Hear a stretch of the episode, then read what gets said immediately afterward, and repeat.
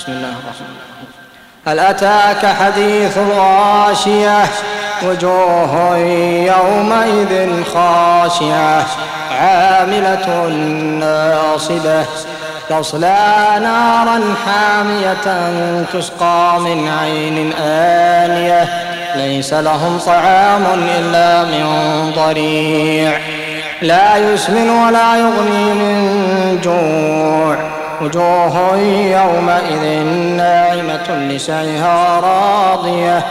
في جنة عالية لا تسمع فيها لاغية. فيها عين جارية. فيها سرر مرفوعة وأكواب موضوعة ونمارق مصفوفة. وزرابي مبثوثة. أفلا ينظرون إلى الإبل كيف خلقت؟ وإلى السماء كيف رفعت؟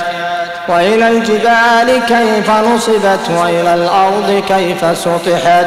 فذكر إنما أنت مذكر لست عليهم بمسيطر. إلا من تولى وكفر فيعذبه الله العذاب الأكبر. إن إلينا إيابهم ثم إن علينا حسابهم.